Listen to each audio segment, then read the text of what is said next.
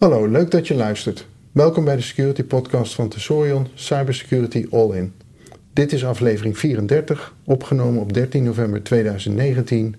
Nieuwsoverzicht.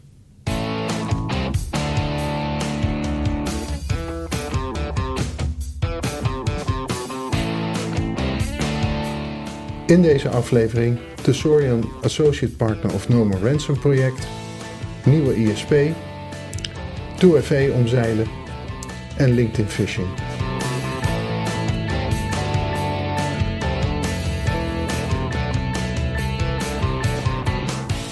Ik ben Lex Borger en vandaag is sales support collega Vivette Willemsen mijn podcastmaat. Hallo Vivette, hoe gaat het met jou? Hallo Lex, bedankt voor de uitnodiging. Ik uh, ben erg benieuwd. Ja, nou, het wordt inderdaad uh, de eerste keer dat wij uh, samen podcast opnemen. We hebben aardig wat nieuwtjes die sinds de vorige keer dat ik een podcast in elkaar draaide, de revue gepasseerd hebben. Dat heeft iets langer geduurd dan ik wilde. Maar we maken gewoon weer een frisse start. En met die frisse start wou ik eigenlijk als eerste gelijk gaan kijken naar onze eigen website. Want we hebben daar een mooi nieuwtje op staan. En dat is een nieuwtje dat Tesorion ook mooi partner geworden is van het No More Ransom eh, project. Jij had er ook uh, uiteraard over gehoord. Ja, hartstikke mooi nieuws. Ik denk uh, iets waar we trots op mogen zijn. Ja, wat heb je ervan meegepakt? We, ehm, nou, het is eigenlijk bij, binnen Tesorion uh, wel een hot topic geweest. Ik denk dat elke collega wel het artikel heeft mogen lezen inmiddels. Er is nou een artikel over het feit dat wij associate partner zijn geworden in het No More Ransom project. En er zijn uh, daarvoor ook een aantal blog-entries die in het artikel genoemd worden over de NEMTI ransomware decryptor. Weet jij wat uh, ransomware is? Ik weet dat het een, een uh, familie of is van de ransomware. Alleen wat exact een NEMTI ja, doet en dergelijke, ja. daar ben ik ja, het is, het is een, een doorontwikkeling van andere families zoals je veel ziet. Bij ransomware is, is dat... Ja, je, het is eigenlijk gewoon net een, een, een bedrijf opzetten, maar dan aan de criminele kant. Je wil geld gaan verdienen door ransomware as a service aan te bieden. Daar moet je dan de software voor hebben om as a service aan te bieden. En dat ga je dan op het dark web verkopen aan klanten die het zware werk van eigenlijk de, de computers die met ransomware besmet worden dat pakken zij op. Uh, zij uh, zorgen dat die uh, besmet worden. En in feite wat je doet is je pakt een deel van de winst mee die dan betaald wordt.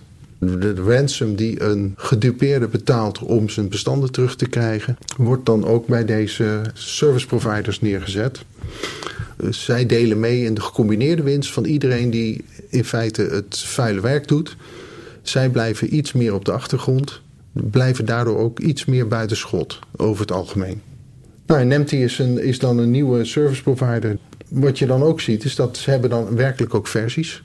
Uh, en we hebben dan uh, in, in the wild, uh, zo heet dat, hebben versies 1.4, 1.5, 1.6 waargenomen. 1.4 was de eerste waar de Sorion een decryptor voor ontwikkelde. Ja. Toen versie 1.6 uitkwam, zagen we twee dingen. Eén was dat A, hij, hij werkte anders. En wat opvallend was, hij werkte meer volgens de encryptieregels. Want dat was iets wat wij in een blogpost hadden gepost van... ja, 1.4 doet wel encryptie. Maar niet volgens de standaarden zoals wij die allemaal gebruiken in de softwarewereld. Dat wordt heel uitgebreid beschreven op de blogpost. En wat in 1.6 hadden ze dat verbeterd. En het leuke daarbij was ook nog dat ze in de tekst van 1.6 ergens opgenomen hadden: Tesorion, thanks for your article.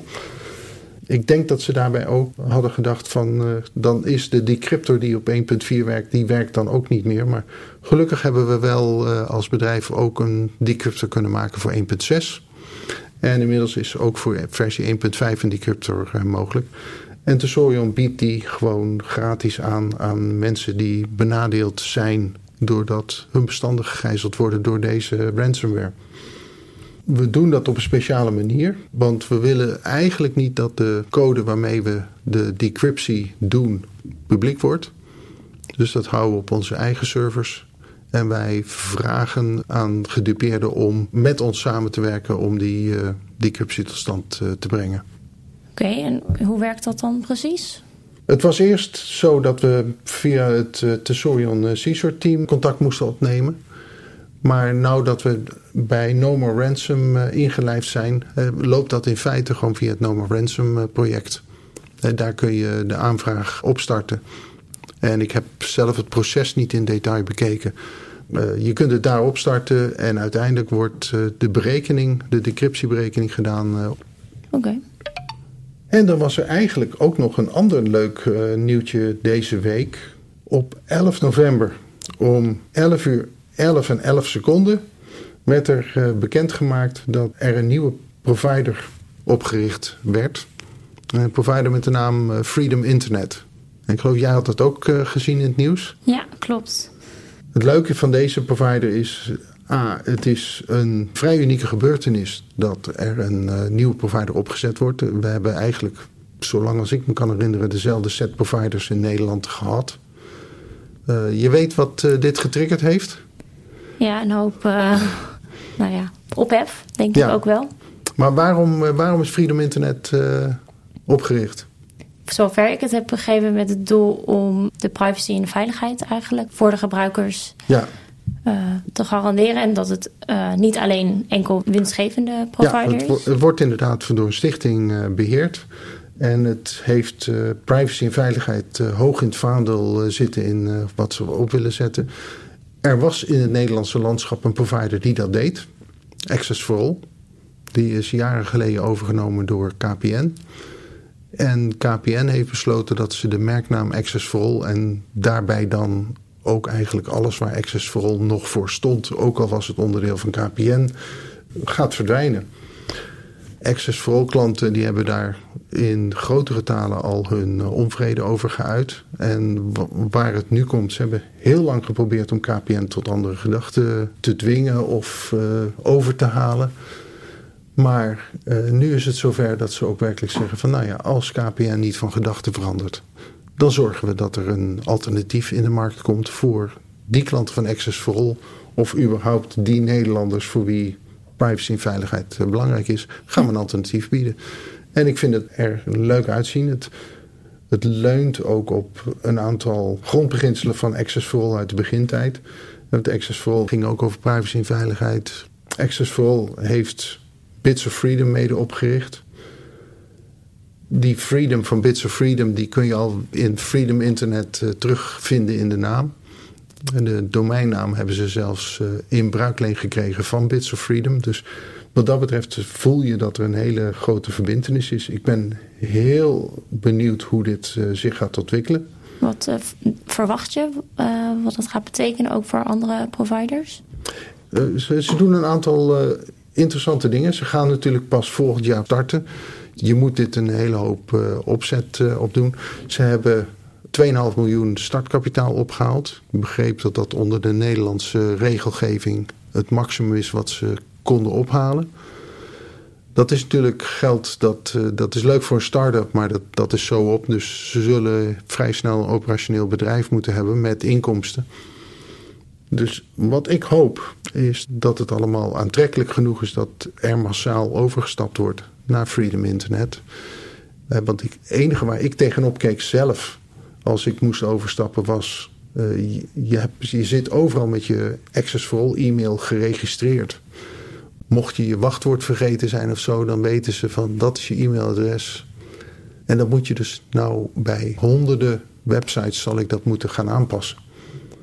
Dat is ja, wie weet dat ze daar nog iets op uh, kunnen bedenken. Nou, dat hebben ze bedacht. Ze kunnen de, die pijn van de overstap eenmalig niet uh, moeilijker maken. Maar wat ze doen, is ze geven jou de gelegenheid om je eigen domeinnaam aan te maken. En het mooie van een eigen domeinnaam is, is dat als ik die gebruik bij mijn overstap en ik pas al mijn e-mailadres aan naar eentje die dus op mijn eigen domeinnaam is. Mocht ik ooit weggaan bij Freedom Internet, dan kan ik gewoon naar een andere provider gaan die ook eigen domeinnaam voor e-mail ondersteunt. En dat is toch wel het merendeel tegenwoordig. Dus dan. Uh, Hoeft het geen probleem meer te zijn? Nee, is het geen probleem. Maar zij zeggen gewoon van. Dat is bij ons gewoon een standaard onderdeel van de dienstverlening en niet een apart onderdeel. Jij bent geen All klant? Nee, ik zit toevallig bij KPN. Ja, nou, ik ben wel All klant en zit daarom dus indirect ook bij KPN. Maar een van de dingen die All klanten erg waarderen is dat zij krijgen hun internetbox is een andere dan de standaard internetboxen die de meeste providers gebruiken, maar is een Fritzbox. Dat is een Duits product. Uh, Freedom Internet heeft al aangegeven dat zij ook Fritzboxen gaan uitleveren. En uh, ja, dat zijn toch wat duurdere boxen met meer mogelijkheid voor de gebruikers om zelf dingen te doen. Dat zijn dingen waar, die maken dat ik enthousiast kan worden over uh, Freedom Internet. En dat ik dat zeker als een uh, alternatief uh, ga bekijken. Ja. Ja, en het is leuk dat ze zich in het maatschappelijk debat willen mengen eigenlijk over de digitale Ja, zoals Access for All vroeger ja. deed. Het monddood worden van Access for All als onderdeel van KPN geeft ruimte en zij willen die ruimte oppakken. Ja. Tweede nieuwsberichtje.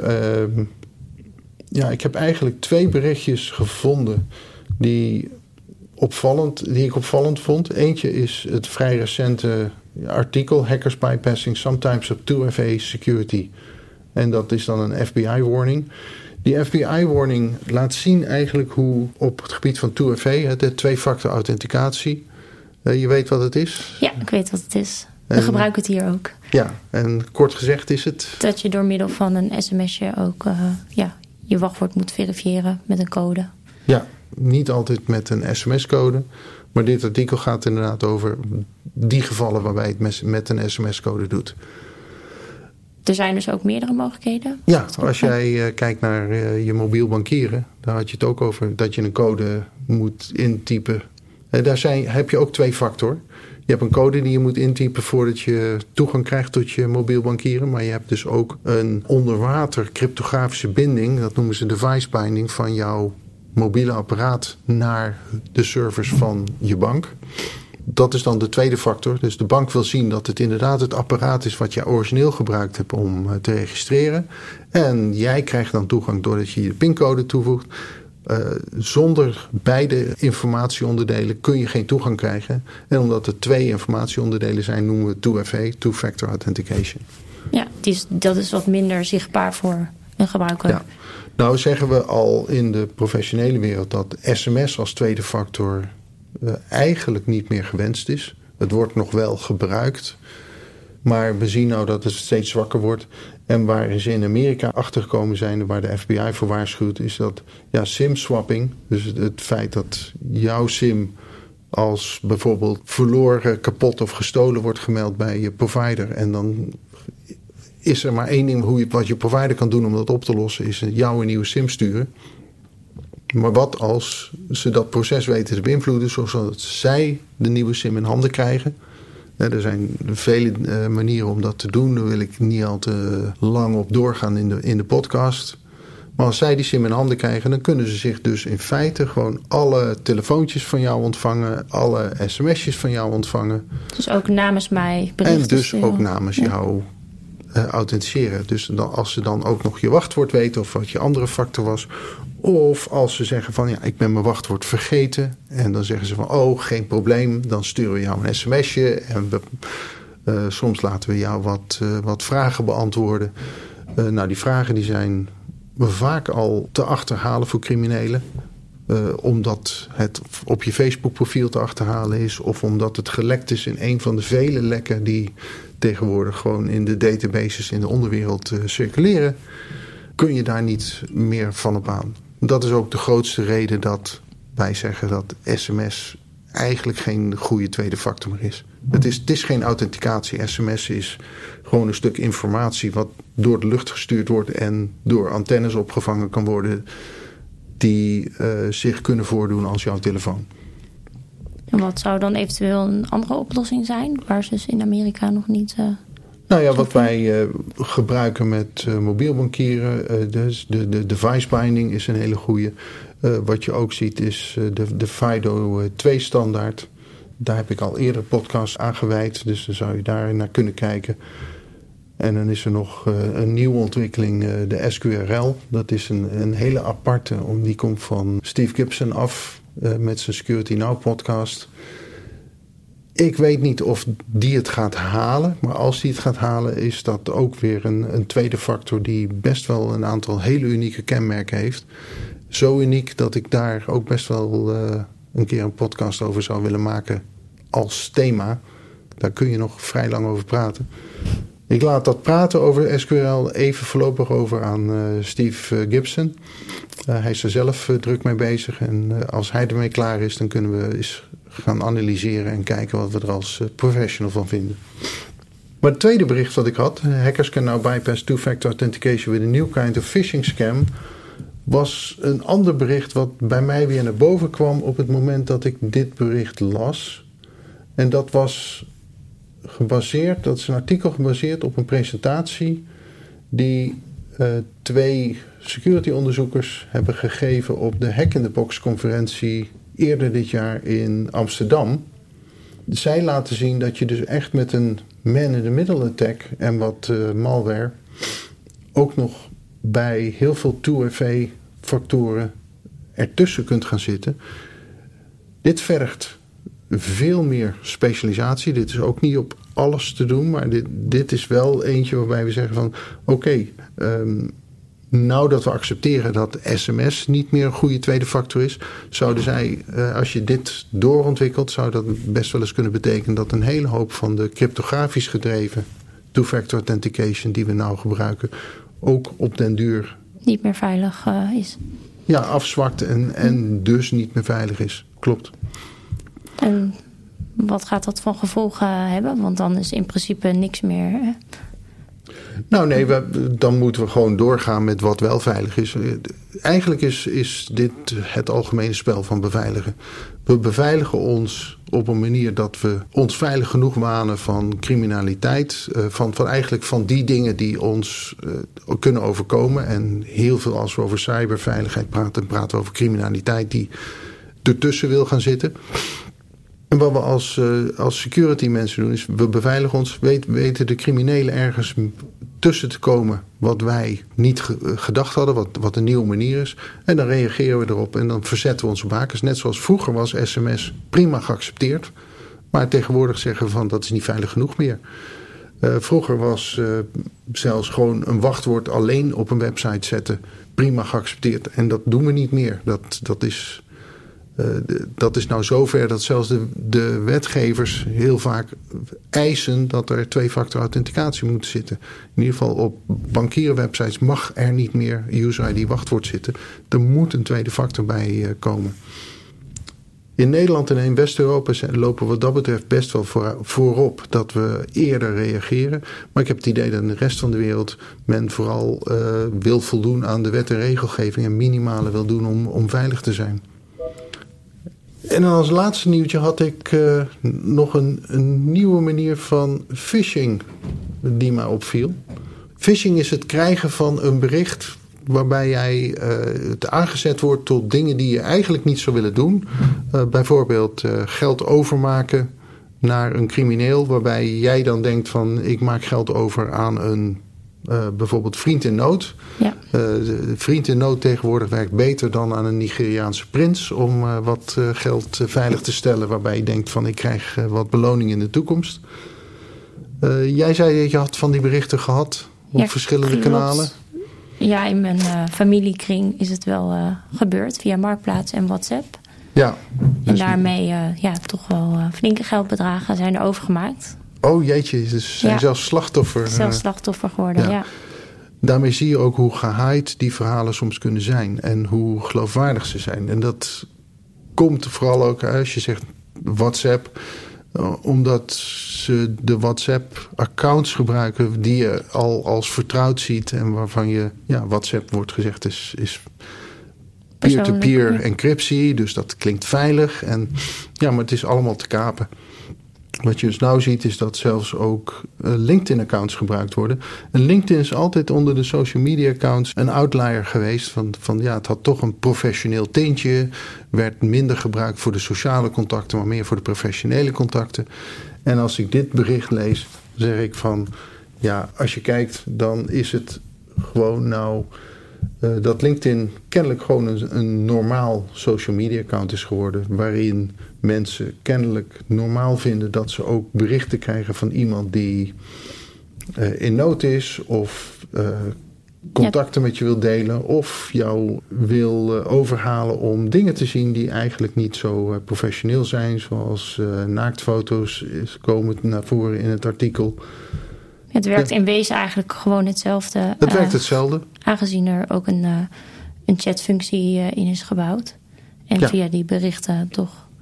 Maar dit is toch in, in die zin nieuw dat ik me niet bewust was dat dit via LinkedIn gebeurde. Omdat, ja, ik denk nog steeds dat als, als mensen mij benaderen over LinkedIn met dit soort onderwerpen, dat ik denk van waarom pak je daar LinkedIn voor? Waarom pak je daar niet een andere manier? Want ik gebruik LinkedIn puur uh, voor professionele uitingen. En dan past het niet in het patroon. Nee. En ik dacht dat dat nog steeds algemeen zo was. Maar ik kom tot de conclusie juist... dat er dus een, een ja, Juist daarom uh, dat ze LinkedIn hebben gekozen. Ja. Dat mensen het niet verwachten. Mensen het niet verwachten. En, en dat er dus kennelijk toch een aantal mensen nou zijn die gewoon zeggen van... Ja, LinkedIn is ook gewoon een social media outlet. Tussen alle andere outlets waar je contact over kunt hebben. En waar mensen ook niet vreemd van kijken als ze een hulpvraag krijgen of zoiets over LinkedIn. Ja, met uh, dit bericht uh, komen we weer aan het einde van deze aflevering. Als eerste wil ik graag jou, de luisteraar, bedanken dat je de podcast weer beluisterd hebt. Mocht je willen reageren naar aanleiding van deze aflevering, stuur ons dan een bericht. Mijn e-mailadres is lex.borger.tesorion.nl Vivette is te bereiken op haar e-mailadres vivette.willemsen.tesorion.nl Wij zijn werkzaam bij Tesorion onze website is www.tesorion.nl. Deze podcast komt ongeveer maandelijks uit. Afleveringen zijn te vinden als podcast op de Tesorion website.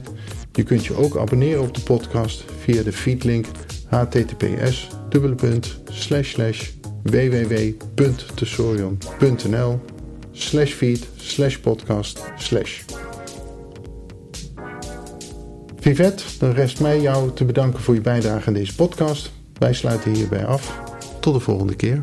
Ja, ook bedankt Lex. Tot de volgende keer.